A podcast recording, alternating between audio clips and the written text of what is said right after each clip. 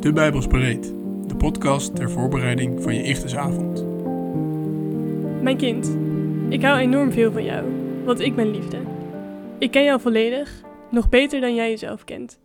Al vergeet je mij misschien, ik vergeet jou nooit. Wat er ook gebeurt in jouw leven, waar je je ook bevindt, ik zal altijd bij je zijn. Er is helemaal niets in de hemel of op aarde wat jou kan scheiden van mijn liefde. Mijn lieve kind, je weet pas hoeveel iets waard is wanneer iemand de prijs ervoor betaalt. En voor jou is de hoogste prijs betaald. Ik heb jou zo lief dat ik mijn enige zoon, Jezus, heb gegeven zodat je door hem gered kan worden. Zie je dan niet hoeveel je waard bent voor mij? Nu al geniet ik van elk moment dat je apart zet voor mij. Ik ren je tegemoet als je naar mij toe komt.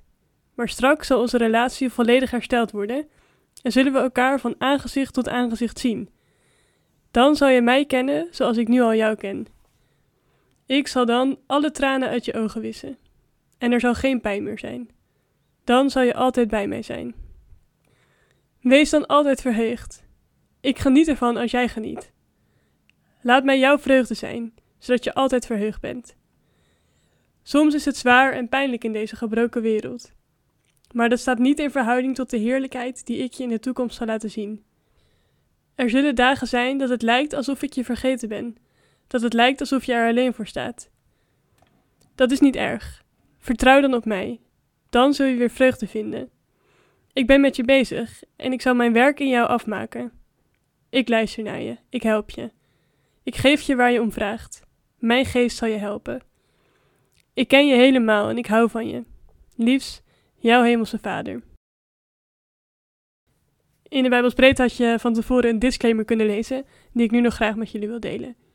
Met dit stukje wilden we als boeksie een keer wat anders proberen. We hebben geprobeerd om je persoonlijker aan te spreken, om zijn vreugde te ervaren. Ik verwijs je dan ook terug naar de Bijbelsbreed om eens te kijken naar alle verwijzingen die we gebruikt hebben in deze brief. Tot slot heb ik natuurlijk nog wat vragen voor jullie. Wat doet deze brief met je? Vind je dat je verheugd genoeg bent?